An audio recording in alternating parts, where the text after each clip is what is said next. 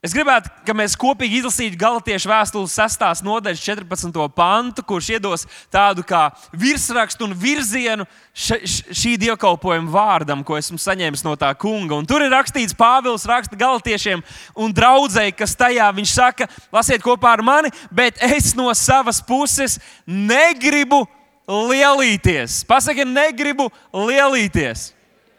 Vai ziniet, ko? Būt lepnam, būt iedomīgam, lielīties ar kaut ko cilvēkam, kurš ir piedzīvojis un atzīst žēlastību, tas ir kaut kas pilnīgi svešs.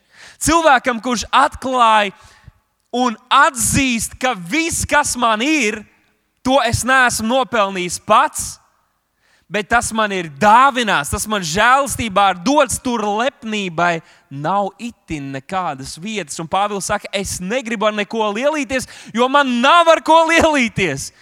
Bet ir kaut kas, ar ko viņš var lielīties un grib lielīties, un tas ir kā tikai ar mūsu Kunga Jēzus Kristus krustu. Viņš saka, man nav itin nekā ar ko lielīties bet es gribu lielīties ar mana glābēja krustu. Vai esat pamanījuši, ka ir cilvēki mūsu sabiedrībā, daudzi no tiem, kuri, ir, kuri nav dievbijīgi, daudzi, kuri nododas grēkam, daudzi, kuri pat iespējams ienīst dievu, kuri labprāt izvēlas nesāt krustu. Kādiem tas ir kā tetovējums uz viņu pleca vai kājas, kādiem citiem tas ir kā skaista rotas lieta, ķēdīte. Kādi citi to uzliek uz drēbēm, vai kādas mašīnā uzliek kādu krustu. Kāpēc cilvēki to dara? Kāpēc cilvēki nesā krustu? Nu, no vienas puses, varētu teikt, ka tas vienkārši labi izskatās, ļoti skaisti izskatās krusts, bet vai tiešām? Vai cilvēkam, kuram Kristus neko nenozīmē, krusts tik skaisti izskatās? Es domāju, ka daudz cilvēku to nesā Tādēļ, ka vi, varbūt viņi nav ticīgi, bet viņi ir mājiņticīgi. mājiņticīgi.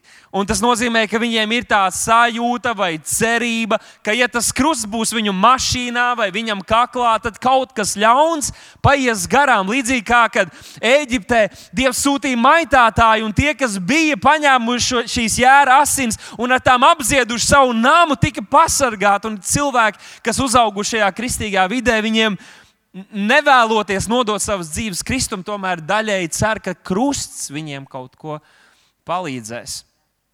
Ir kādi, kas ar krustu vēlas iegūt cilvēka labvēlību. Un varbūt mūsu platumgrādos tas nav tik izplatīts, bet, kad man bija iespēja būt misijas braucienā uz Nikaragvu, kad es mācījos Bībeles skolā, tad mēs pamanījām, ka ļoti daudzos veikaliņos, kas ir tādi nu, tā tirgus laukuma veikaliņi, un taksometrs un autobusi, ļoti daudz vietā bija sarakstīts virsū Jēzus un krustiņi, un skanēja kristīga mūzika. Un sākumā mēs bijām šokēti. Mēs prasījām, nu, ko tad mēs esam atbraukuši. Te izskatās, ka visi ir kristīgi. Un tad mums paskaidroja vietējie, ka tad, kad atbrauc turisti, tad viņi vairāk uzticēsies tam taksometram, kurš ir nevis vienkārši auto, bet kurš, kurā skan kristīgas mūzika, kur viņš ir dzirdējis savā mājās, kur ir krustiņi un Jēzus rakstīts. Viņam drīzāk viņi gribēs braukt ar šo cilvēku. Un viņam tas veicinās viņa biznesu. Iespējams, ka arī mūsdienās kāds tādu dara. Ir daudz cilvēku, kuri nesā krustus, bet šis krusts viņiem neko nenozīmē. Bet kāpēc mēs, kristieši, nēsājam krustus. Varbūt uztaisīsim tādu mazu, nelielu aptauju, cik daudz jūs varat atzīties, ka vai nu jūsu mašīnā, vai jūsu somā, vai jūsu apģērbā, vai jums uz kakla, vai varbūt uz rokas kaut kur ir krusts. Varat pacelt drosmīgi roku, ja jūs zinat, varbūt uz zeķēm vai apakšbiksēm. Kaut kur ir, kaut kur ir kāds krusts. Daži ļoti kautrīgi pacēla tā līdz pusītei, tā lai ir pacelts, bet neviens nepamanā. Kāpēc kristiešiem būtu jānēsā krusts? No, no vienas puses mēs zinām, ka krusts ir dieva varas, uzvaras simbols un mūsu žēlastības simbols. Par žēlastību, ko esam saņēmuši, krusts to simbolizē. Krusts ir tā vieta, kur Kristus teica, viss piepildīts. Un mēs nevaram nesāt līdzi Jēzus bildīt, bet krusts mums vienmēr atgādina par to, ko Dievs ir paveicis mūsu labā.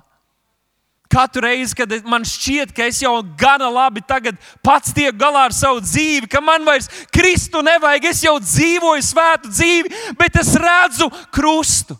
Tas atgādina man, ka neviens nav svēts, neviens nav pilnīgs, neviens nevar dzīvot pēc šiem dievišķiem standartiem. Tāpēc Jēzus atnāca un deva savu dzīvi.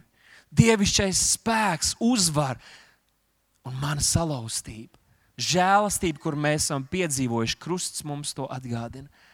Bet no otras puses, varbūt tādēļ es pat kādiem ieteiktu šo krustu nesāt, ir, ka tas atgādina mums par krustu, kuru Jēzus jau pašā sākumā saviem mācekļiem teica, viņiem to būs nest.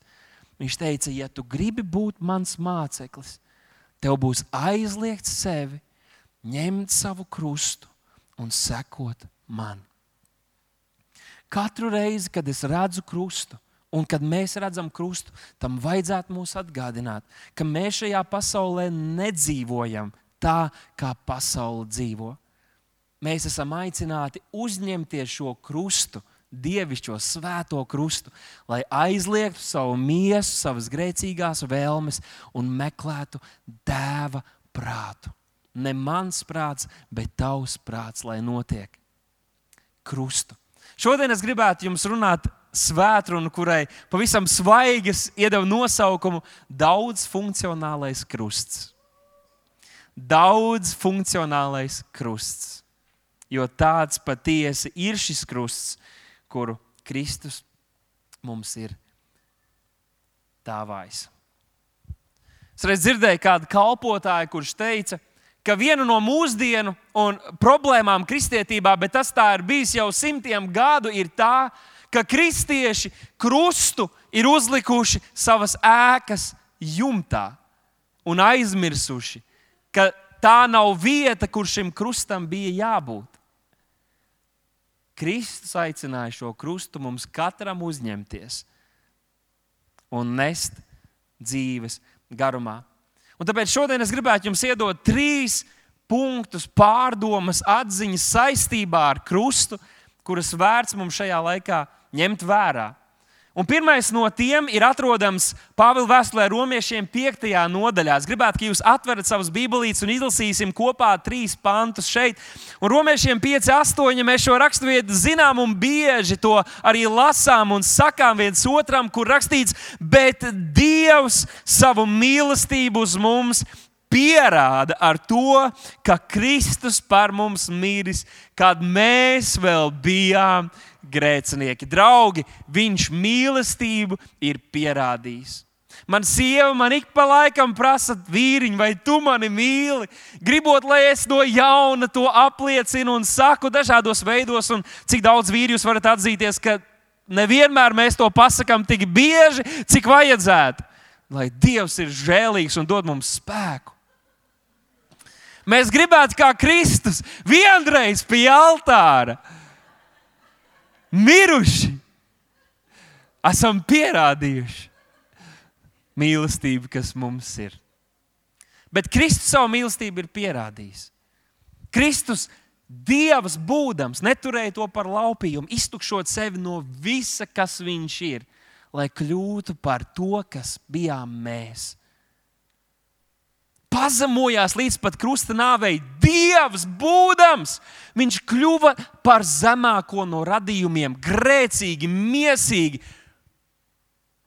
Zemiski cilvēki apspļaudīja, pazemoja viņu. Viņš tika atšķirts no tēva, lai mēs varētu iemantot mūžīgo dzīvību. Viņš ir pierādījis savu mīlestību. Ja tev vajag, lai viņš tev pasaka šodien to, skaties uz krustu.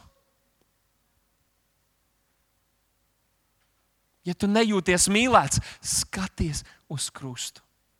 Ja tu jūties viens un atstāts, skaties uz krustu. Ja tev šķiet, ka nevienam nerūp, kā tev klājas, paskaties uz krustu. Viņš to izdarīja tevis dēļ.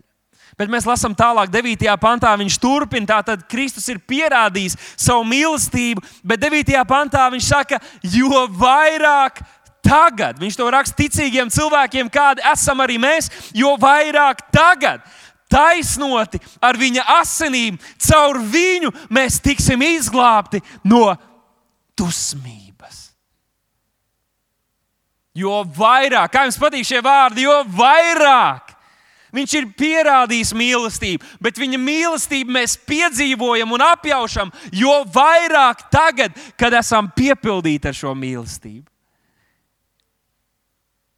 Kad mēs to redzam savstarpēji, kad mēs redzam, kā šī mīlestība parādās mūsu dzīvēm un caurstrāvo un dara mūs stiprus, tad, kad mēs neesam stipri, kad mēs nespējam, kad nevaram, kad mums sāp. Viņa mīlestība ir daudz vairāk kā vajadzīgs un mēs ar to piepildīt. Bet pastieties uzmanīgi, ko viņš šeit saka. Mēs tiksim izglābti no dusmības. Bet vai tad mēs jau neesam izglābti? Es glābts, es izglābts, vai mēs jau neesam izglābti? Klausieties, līdzīgi kā tas bija Eģiptē, kad Dievs sūtīja maitātāju, un tie, kas jau iepriekš bija savu cerību likuši uz šo Dieva vārdu, un nokāvuši jēru un lietojuši šīs asinis, Maitātājs vēl nebija nācis, bet viņi bija pasargāti, bet viņi skatījās uz to laiku, kas vēl notiks, ar cerību, ka Dieva vārds atnesīs viņiem šo glābšanu.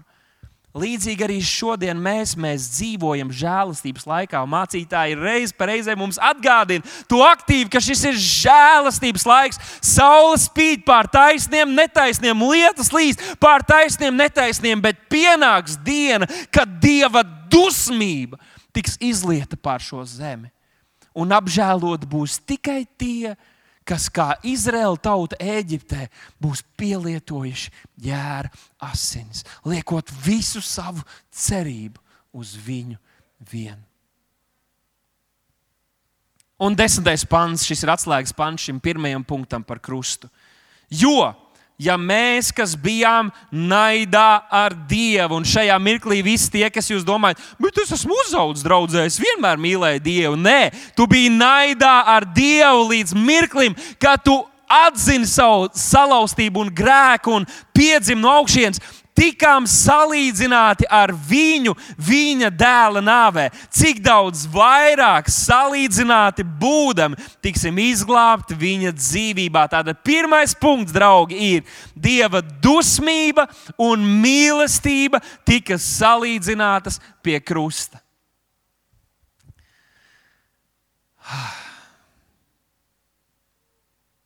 Bet vai tad Dievs nemīl visus cilvēkus? Mīl, bet vai tas ir viss? Dusmība, dusmība un mīlestība salīdzināts pie krusta. Varbūt esat dzirdējuši, un reiz reizē es pats esmu lietojis šo frāzi: Dievs ienīst grēku, bet mīl grēcinieku. Mēs zinām, ka Dievs ienīst grēku. Kādēļ viņš ienīst grēku? Jo viņš tā izlēma? Nē, jo viņš ir svēts, viņš ir labs, viņš ir visa labā standarts. Kad viņš radīja pasauli, viņš skatījās un teica, tā ir laba, tā ir pilnīga, tā ir svēta, tā ir man līdzīga. Bet kad cilvēks krita grēkā, kad Lucifers grēkoja pret Dievu, Dievu, tad šajā skaistajā gleznā, kur bija radījis Dievs, ienāca disharmonija. Viss tas, kas ir nesvēts, kas ir grēcīgs, tas ir pretīgs, tas ir kaut kas ienīstams, jo Dievā nav itin nekā no tā visa. Tas viss pat viņam tuvu nerādās. Pastīsimies, kā tad Bībele runā par cilvēku. Vēl pa, papildus visam tam, ko mēs jau zinām. Piektais psalms, sastais pants. Kas ir lielīgs, lai nerādās tavās acīs? Tu ienīsti visus ļauna darītājus. Tas attiecībā uz Dievu. 11. psalms, 6. pāns. Tas kungs pārbauda taisno un bezdievīgo, bet viņa dvēsele ienīst to, kas dara varas darbus.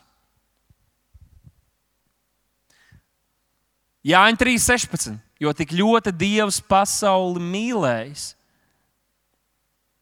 No otras puses, visus, kas dara grēku, Dievs ienīst. Ne tikai grēku.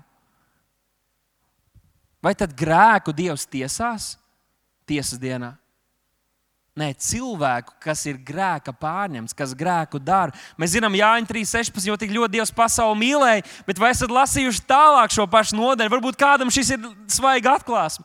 36. pantā Jēzus saka, kas tic dēlam, tam ir mūžīgā dzīvība, bet kas dēlam neklausa un skatieties, tic un neklausās, tad tu vari teikt, ka tu tici, bet ja tas neparādās tavos darbos, neparādās tavā attieksmē, neparādās izmaiņās, kas ir tavā dzīvē, paklausot Dieva vārdam, tad acīm redzot, tu netici tam, ko Bībele saka. Tu netici dēlam, bet kas dēlam neklausās, kas dēlam netic, tas dzīvības neredzēs. Bet Dieva dusmība, Jēzus to saka, paliek uz viņu, un šo es nesaku ar prieku.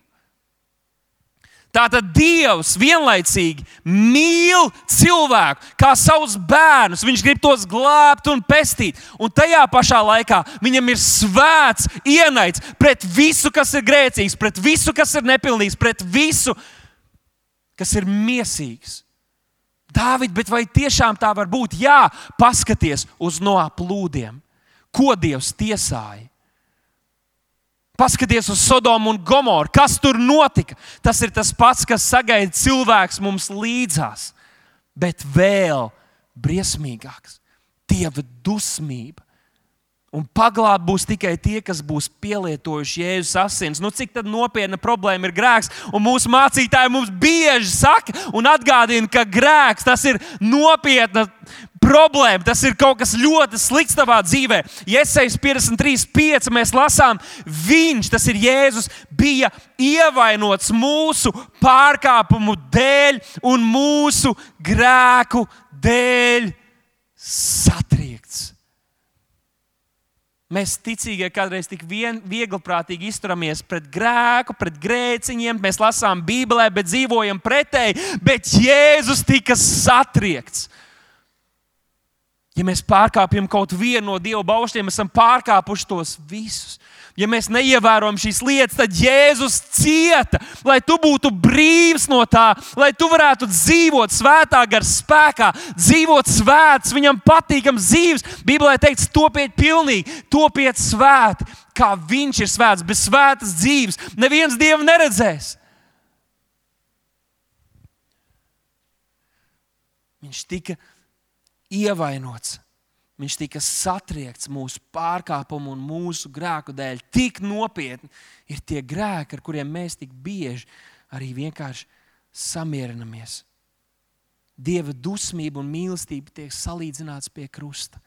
Lūk, kur ir atbilde. Lūk, kāpēc šī žēlastības vēsts ir tik skaista un brīnišķīga arī šodien. Jo mēs cilvēcīgi, kā grēcinieki, esam pelnījuši Dieva sodu, bet Dievs savu mīlestību ir parādījis, uzņemdamies Kristu Jēzu šo sodu uz sevi. Vai Dievs, vai Dievs ienīst grēciniekus? Jā, paskaties uz krustu. Vai Dievs mīl grēciniekus? Paskaties uz krustu. Dieva mīlestība un Dieva dusmība ir salīdzināts pie krusta. Tā ir priecīga vēsts, tā ir prieka vēsts, draugi. Otrais punkts mums izriet no sestās nodaļas Pāvila vēstulē Galatiešiem, 14. panta. Mēs to pašā sākumā lasījām, bet šoreiz gribētu, ka mēs izlasām visu šo pantu.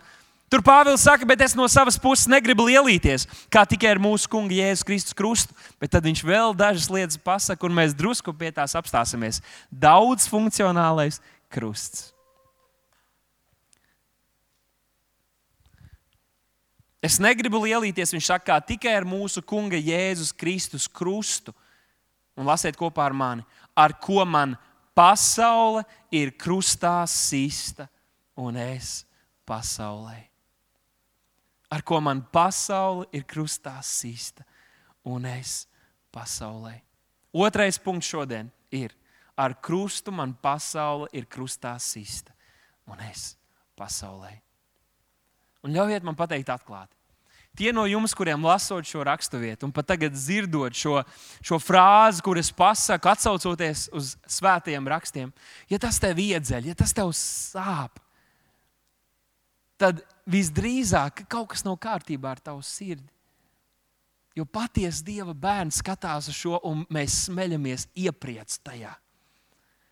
Mēs redzam uzvaru tajā mēs redzam iespēju pagodināt to, kurš atteicās no visa, lai mūs glābtu. Pasaule ir krustā sista, un mēs pasaulē. Un cik svarīgi ir šos abus mums padomāt, ko tas īsti nozīmē. Pasaule krustā sista. Tas varētu nozīmēt, ka pasaulē nav nekā, ko mums piedāvāt.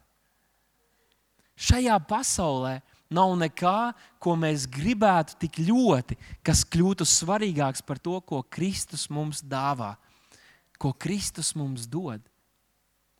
Šajā pasaulē nav nekā. Acu kārība, miesas kārība, dzīves lepnība, tās mūs nesaista un nevilina, jo pasaule mums ir krustā sista. Pasaulē nav nekā, ko mums piedāvāt. Tādēļ mēs varam brīvi dzīvot un baudīt viņa svētības. Mēs varam brīvi dzīvot, nesaistīti ar šīs pasaules lietām. Jā, mēs to lietojam, bet mēs neesam daļa no šīs pasaules. Mums ir cits vērtību skals, mums ir cita perspektīva, kā mēs raugamies uz lietām.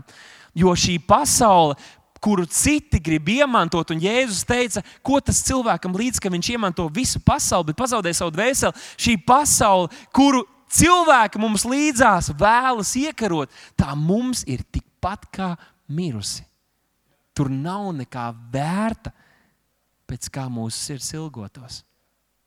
Bet no otras puses viņš saka, arī es esmu miris pasaulē. Un, ziniet, par, par šo es esmu daudz domājis. Es esmu miris pasaulē. Ziniet, ko viņš teica? Manuprāt, Pāvils saka, ne tikai pasaulē nav ko dot man, bet man nav nekā ko dot pasaulē, kā vienīgi Kristu.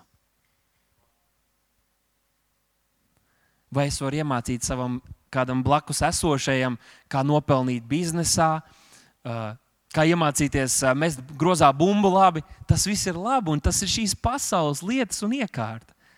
Bet Pāvils saka, arī es pasaulē esmu miris. Man nav nekā ko dot. Man nav nekādas lielas vērtības pasaules acīs, kā vien tas, ka es Kristu varu viņiem pasludināt. Un šo brīnišķīgo vēstu es varu viņiem aiz, ar viņus ar to aizsniegt. Vēstulē Filipiešiem 3. nodaļā, 7. pantā Pāvils runā atkal līdzīgus vārdus, kur viņš saka, bet kas man bija ieguvums? Tātad agrākajā dzīvē, pirms es atzinu Kristu, pirms es piedzīvoju Kristu, to es Kristus dēļ, kādēļ? Kristus dēļ esmu uzskatījis par zaudējumu. Tas, ko es agrākos laikos vērtēju, tas, kas man likās svarīgs, kur es iegūju, ja jūs gribat, savu pašvērtību To es tagad uzskatu par zaudējumu, jo esmu atklājis kaut ko svarīgāku, 8. pāns, bet arī tagad es visu to uzskatu par zaudējumu, salīdzinot ar mana kunga, Kristus Jēzus atziņas nesalīdzināmo pārākumu. Klausieties, kura dēļ es visu to esmu zaudējis un uzskatu to par atkritumiem, par mēsliem, lai Kristu iegūtu. Cik skaisti! Cik skaisti! Vai Pāvēlam nebija darbs? Nē, viņš bija svētīts. Viņš saņēma gan no evaņģēlīja, gan reizē viņš būvēja teltis un tā tālāk. Vai mācekļiem nebija darbs? Nē, viņi darīja lietas šajā pasaulē. Bet viss tas ir kaut kas, kaut kas, kas nobāla, kaut kas, kas ir tumsā, kas ir nesvarīgs. Salīdzinājumā ar to dārgāko, ko mēs pie krusta esam atklājuši un piedzīvojuši. Galtiešiem 2,20 Pāvils saka, līdz ar Kristu Es esmu krustā sists. Bet nu nedzīvoju es, bet manī dzīvo Kristus. Aleluja! Kristus dzīvo tevī. Saki, manī dzīvo Kristus. miruši pie krusta, augšām cēlušies, un Kristus pats Dievs dzīvo caur mums. Pats Dievs runā caur mums, pats Dievs caur savu svēto garu mūs vada kā vienā, tā otrā lietā. Izaicinājumos savā dzīvē, kalpošanā, kuru mums katram ir jāveic, un ar Kristu mēs to piedzīvojam. Manī dzīvo Kristus. Galtiešiem 5. nodaļā, 24. pantā viņš saka, bet tie, kas Kristum pieder, ir savu miesu krustā situši līdz ar kaislībām un iekārošanām. Draugi, šī ir brīvības vēsts. Šī ir brīvības vēsts. Pāvils teica, es esmu radis gan pārpilnībā, es esmu radis arī grūtībās. Ir cilvēki, kas dzird un satraucās, ka tagad pasaulē notiek kād, kādas krīzes un kara darbības, un ka tik man nepasliktinās dzīves līmenis, bet patiesam Dieva bērnam tas ir otrs šķirīgi. Jā, mēs ticam, ka Dievs mums palīdzēs gādāt par mūsu namu un būt par svētību citiem, bet mums ir svarīgākas lietas darāmas. Mums ir kas svarīgāks, kas pārņem mūsu lūgšanas, mūsu domas, mūsu gaidas, kas sāp mums. Tā nav valsts ekonomika, un tas nav tas, cik man skaista ir automašīna, bet tā ir Dieva sirds, kas ir mūsos. Pats Dievs dzīvo caur mums. Ikdienas, ik brīdi Viņš runā, Viņš darbojas, jo mēs esam līdzi ar Kristu miruši pie krusta. Mēs augšām cēlušies. Nevis lai mēs dzīvotu paši, bet lai Viņš dzīvotu caur mums. Atcerieties, Jēzus teica, ka Viņš nāks un ņems mājas vietu. Pats trīsvienīgais Dievs ir tevī.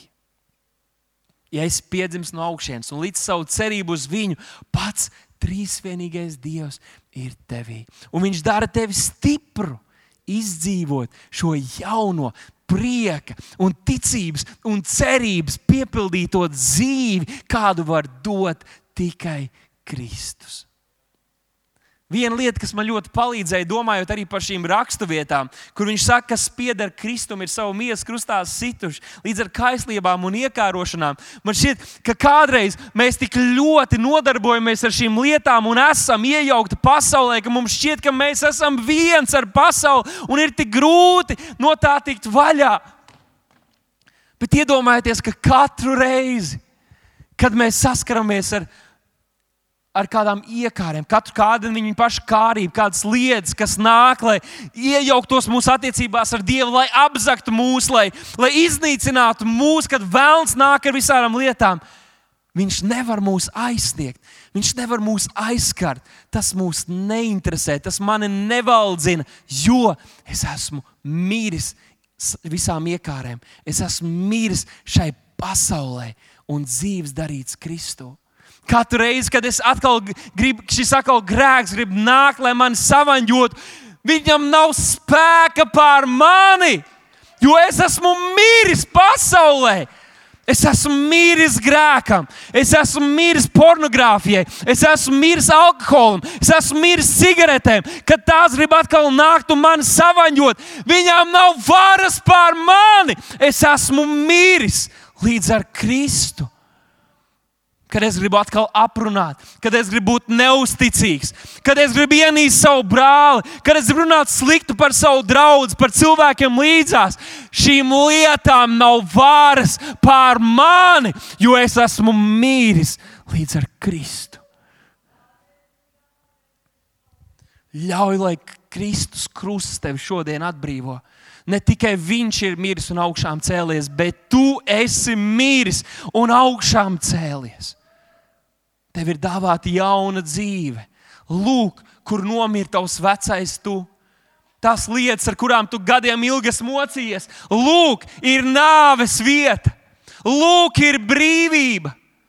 Šeit tās mira. Kristus uzņēmās tavus grēkus, tavas slimības, ja tev ir slimība tavā miesā. Lūk, kur ir tava dziedināšana. Tās lietas ir mirušas, un tu esi miris tām. Brīvība Kristu. Brīvība Kristu. Līdz ar Kristu es esmu miris. Pasaule mirusi man, un es pasaulē.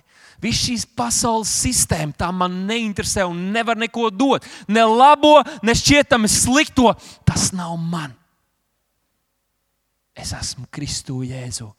Apslēpts un pasargāts ar viņa asinīm, apzies no visām pusēm. Un maitātājs iet man garām, jo es te nemaz neesmu. es esmu paslēpies Kristu. Redzi sevi. Domājot par augšām celšanos, mēs nedrīkstam atstāt novārtā šo nāves vietu. Mēs nevaram tikai priecāties par augšām celšanos, ja mēs neesam gatavi mirt, lai to piedzīvotu. Pāvils 1. korintiešiem 15. viņš saka, es mirstu ikdienas. Ikdienas. Ir runa par ikdienas lēmumiem, par izvēlēm. Tāpat kā dzīvot augšām celšanās, piepildīto dzīvi, ir izvēle ikdienas, bet arī mirt sev un atstāt šī, šo pasauli un pašam savu miesu un savas intrigas un vēlmes. Tā ir ik, ikdienas izvēle, ko mums jāturpina darīt. Vēstulē romiešiem 6. nodaļā Pāvils uzdod tādu interesantu jautājumu, vai mēs varam grēkot. Ja žēlastība ir tik brīnišķīga, tad 11. 6. pantā, sākumā mēs to apskatīsim. 6. pantā viņš uh, runā par šo pašu tēmu, kurā mēs šobrīd atrodamies. Viņš saka, jo mēs saprotam, ka mūsu vecais cilvēks, saka, vecais cilvēks, Halleluja! Vecais cilvēks pie krusta mīris, bet jaunais cilvēks augšām cēlies. Amen! Jo mēs saprotam, saprotam, tā tad tur ir iesaistīta arī mūsu dvēsele. Ir svarīgi, ka mēs to saprotam, ka mēs par to domājam, ka tas ir arī mūsu domās, ne tikai mūsu garā. Viņš saka, mēs saprotam, ka mūsu vecais cilvēks ticis līdzi krustā sists, lai tiktu iznīcināta grēkam, pakļautā miesa, lai mēs vairs nekalpotu grēkam. Lūk, brīvība! Lūk, dzīvība, miesa, kura bija pakļauta grēkam, ir mirusi pie krusta. Un tālāk viņš saka, jo kas nomiris, tas ir taisnots no grēka. Halleluja! Mēs esam kļuvuši par Dieva taisnību. Jo Jēzus taisnība ir mūsu taisnība. Mēs esam viņā. Mūsu vecā miesa ir mirusi. Tālāk, 11. pantā viņš saka, tāpat spriediet arī jūs par sevi. Tagad iebakst kādam savu blakus sēdošiem, pasaki, tas ir par tevi. Pasakiet, cēsīs, pasakiet savu blakus sēdošiem, tas ir par tevi. Halleluja! Tāpat spriediet arī jūs par sevi, ka esat, palīdziet man, draugs, ka esat. Mm, Labi, vairāk ar entuziasmu. Tomēr, ziniet, bērnu salmā saka, bērnu diena ir labāka par kāzu dienu. Halleluja! Varbūt šodien kādam ir bērnu diena, kad tu liksi savu cerību uz Kristu un noticēsi evaņģēliem, atklājot savu salauztību un grēku Dievu priekšā. Viņš saka, spriediet arī jūs par sevi, ka esat miruši grēkam. Halleluja! Halleluja! Saka, es esmu miris grēkam. Grēkam nav varas pār mani. Es esmu miris grēkam, Jēzus vārdā. Bet tas nav viss, kur viņš paliek. Vienmēr ir bet. Vienmēr Dievam ir bet. Viņš tālāk saka, bet Jēzu Kristu jūs dzīvojat Dievam. Jūs dzīvojat viņa mērķiem, viņa sapņiem, kaut kam lielākam par jums pašiem. Viņa spēkā mēs dzīvojam.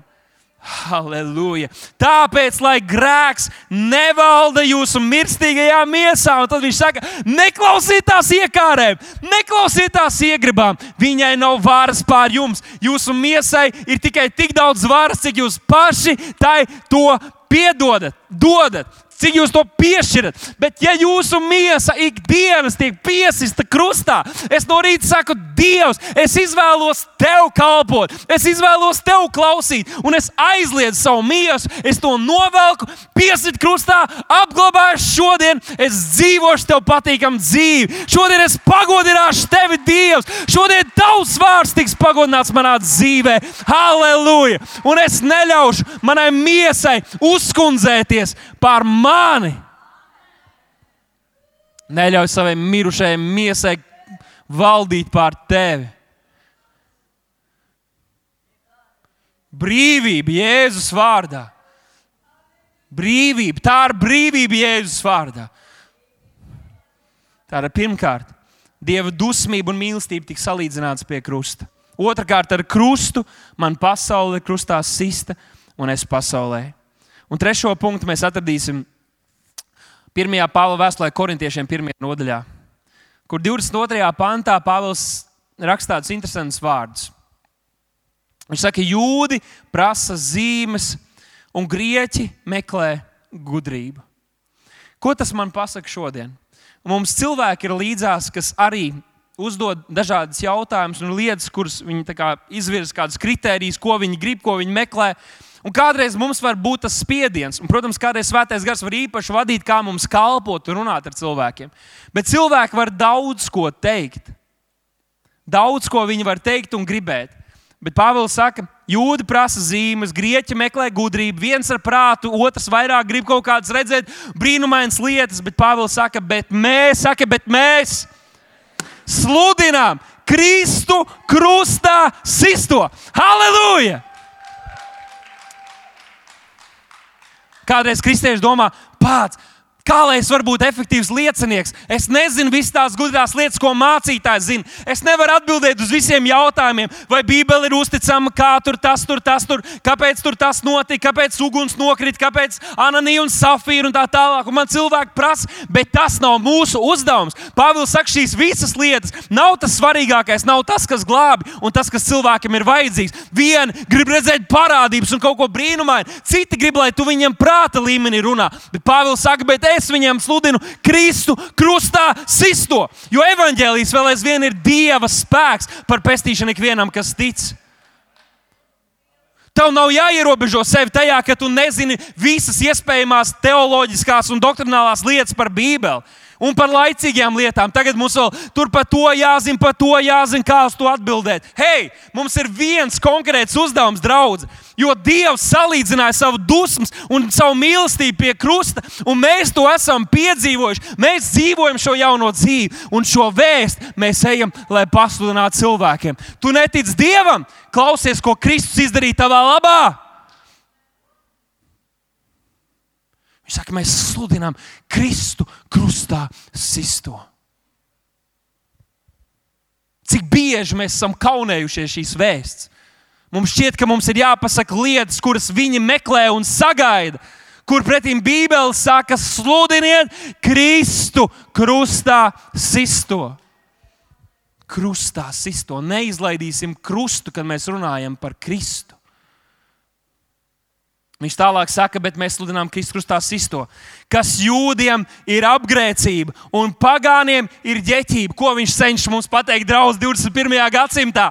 Tad, kad mēs darām to, kas mums ir jādara, un mēs to darām jau vairāk kā 30 gadus, kad mēs darām to, kas mums ir jādara, gan mūsu personīgās attiecībās, uz, ielās, darba, uz ielām, darba vietās un daudz vietā citur, būs cilvēki, kuriem tā būs piedauzība būs cilvēki, kuri apgrēcināsies, bet tiem, kas ir aicināti, tik labi jūdiem kā grieķiem, tas ir Dieva spēks un Dieva gudrība. Mēs sludinām Kristu krustā sisto. Būs cilvēkam tas nepatiks, būs kādi, kas apvainosies, būs kādi, kas mūs saukās vārdos, būs kādi, kas mums sitīs pliķus.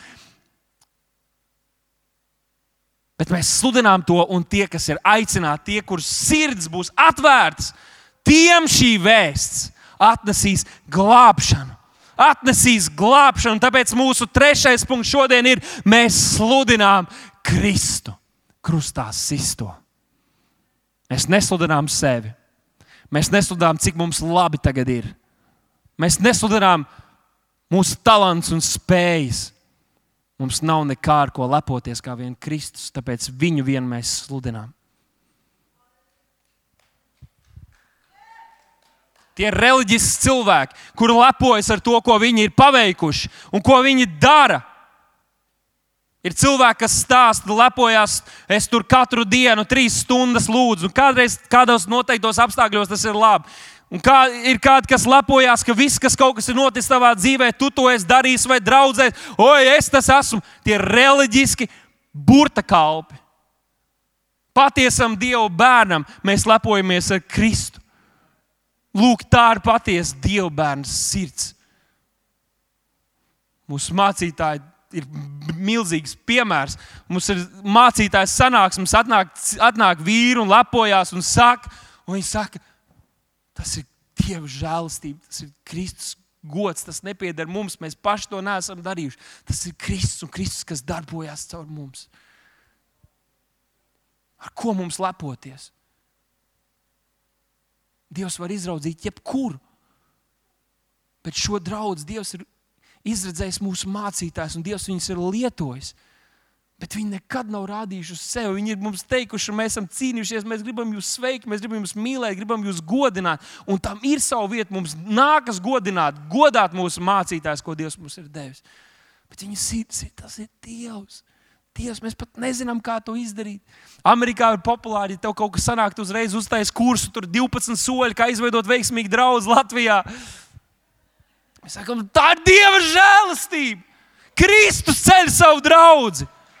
Mēs esam tikai trauki. Mēs esam tikai trauki. Ko mēs sludinām? Ko tu sludini ar savu dzīvi? Es domāju, ko es sludinu ar savu dzīvi. Es gribu nodoties vairāk tam, lai it visā viņš tiktu pagodināts un viņu es sludinātu viņu es sludinātu. 2. korintiešiem 5. nodaļa, 17. pants. Mēs zinām šo brīnišķīgu apsolījumu. Tādēļ, ja kas ir Kristu Jēzu, tas ir jauns radījums, kas bijis, ir pagājis, redzi, viss ir tapis jauns. Tas ir par tevi un tālāk, 18. pants. Bet tas viss nāk no Dieva, kas mūs ir salīdzinājis ar sevi caur Kristu un mums devis salīdzināšanas kalpošanu. Saka, šis jaunais radījums, šī jaunā realitāte, kur jūs baudat, tas viss nāk no Dieva un tikai no Viņa. Un tikai no Viņa, kurš mums žēlastību ir parādījis un mūs ir salīdzinājis ar Dievu Jēzu Kristu un devis mums salīdzināšanas kalpošanu. Tagad uzliec uzmanību šo salīdzināšanas kalpošanu. Ļauj man te pateikt, un atbrīvot, un iedrošināt, tu nevienu nevari izglābt. Nevienu pašu cilvēku tu nevari izglābt. Lai cik dedzīgi tu lūgtu, lai cik dedzīgi tu runātu, tu nevari izglābt nevienu cilvēku. Glāb vienīgi Dievs, Svētais Gars, kad paņem vārdu un evaņģēlīju, kas cilvēkam ir sludināts. Varbūt kādreiz pat sapņos pārliecina un ietekmē cilvēku tik spēcīgi, ka viņš liek savu cerību uz Kristu. Tad kaut kādā brīdī viņš piedzimst no augšas, un tur neviens no mums nevaram izdarīt. Mūsu atbildība nav glābt cilvēkus bet parādīt viņiem ceļu, pastāstīt par šo salīdzināšanu. Mums ir šī salīdzināšanas kalpošana, atklāt cilvēkiem, kas ir noticis, ko Kristus ir paveicis, sludināt Kristu krustā sisto. Kas ir mūsu draugs, mērķis, vīzija, misija un tā tālāk? Sludināt Kristu. Ir daudz lietas, kas mums ir jādara. Mēs palīdzam cilvēkiem Latvijā, Rīgā, mēs palīdzam Ukrajinā, mēs palīdzam visādās veidos. Ir kalpošanas, kas notiek, bet mūsu primārais mērķis ir sludināt Kristu krustā sisto. Ja jums kādam šķiet, šis ir par daudz, šī ir piedauzība draudzē, vajadzētu runāt vairāk priecīgas vēstures, klausieties, tā ir pamata vēsts, šī ir vēsts, ir pamata vēsts visam. Augšām celšanos jūs dzirdējāt pagājušajā svētdienā, šodien bija par nāvi, bija viņa jāpaklausās. Halleluja! Bez tās arī nevar salīdzināšanas kalpošanu. Ejiet un sludiniet Kristus evaņģēliju. Ejiet un sludiniet šo dievišķo mīlestību un labestību, ko Dievs ir parādījis. Ejiet un pastāstiet cilvēkiem, ka viņi ir pazuduši cilvēki, ka Dieva dusmība nāks pār viņiem. Vai nu aiz mīlestības, vai nu aiz bailēm, lai viņi liek savu cerību uz Kristu un meklē un, un, un, meklē un izpēta, kas tad ir patiesība. Kad kaut kur vēlāk, tajā pat nodaļā, viņš saka, tad neiet un sakiet cilvēkiem, salīdzinieties ar Dievu, salīdzinieties ar Dievu. Laika vairs nav daudz. Sakārtojiet savas attiecības ar Dievu. Sakārtojiet savas attiecības ar Dievu. Jo šis ir mūsu uzvaras simbols. Kristus dāvā tās uzvaras simbols. 2000 gadus atpakaļ tā bija senā Roma kur lietoja šo simbolu, un tas simbolizē Romas varu. Katrs, kurš rīkojās pretēji Romas interesēm, kurš bija tika uzskatīts par draudu, par apdraudējumu, tika piesists pie šāda krusta. un izlikt citu priekšā, kā biedēklis, ja tu nerīkosies pēc šīs pasaules sistēmas, ar tevi notiks tas pats. Un Jēzus atnāk un piedzīvo visu, ko šī pasaule var dot, visu ļaunumu, visu naidu pret Dievu, visas dusmas. Un viņš nomirst tajā vietā, kur simbolizē šīs pasaules varu. Un tieši šajā vietā viņš parāda savu uzvaru. Viņš parāda, ka pasaulē nebūs pēdējais vārds, ka pasaules spēks ir nespēks Dievu priekšā, jo šeit viņš kļuva par ķēniņu. Kur pasauli viņu nolādēja un izsmēja, viņš ieguva varu pār visām valdībām un varām, vārdu pār visiem vārdiem. Kristus krustā sistais. Ko pasaule mums var nodarīt? Mums jau pieder uzvara. Tu vari man pateikt kaut ko. Kristus solīja, viņš solīja saviem mācekļiem, viņi runās sliktu, viņi jūs atstums, būs kāds, kas nokaus jūs. Un tas notiek. Ko pasaule mums var izdarīt? Mēs jau esam uzvarētāji. Lūk, kāpēc mums ir viegli dzīvot. Mēs neesam satraukti un bailēs par to, kas un kā būs. Jo man jau pieder uzvara. Mēs ejam Kristus uzvaras gājienā. Visas pretvaras ir atklātas, kaunā liktas, pienaglots pie krusta ir mūsu parāds. Halleluja! Pie krusta. Lūk, tāpēc tas ir Dieva varas simbols, jo Viņš paņēma šo pasaules iekārtu un teica, nē, es valdu, un es izmantošu jūsu spēku un padarīšu to par nespēku, lai mans spēks parādītos varens. Kristus to izdarīja, draugi. Kristus to izdarīja. Pāvils 2. vēstulē korintiešiem 5. nodaļā.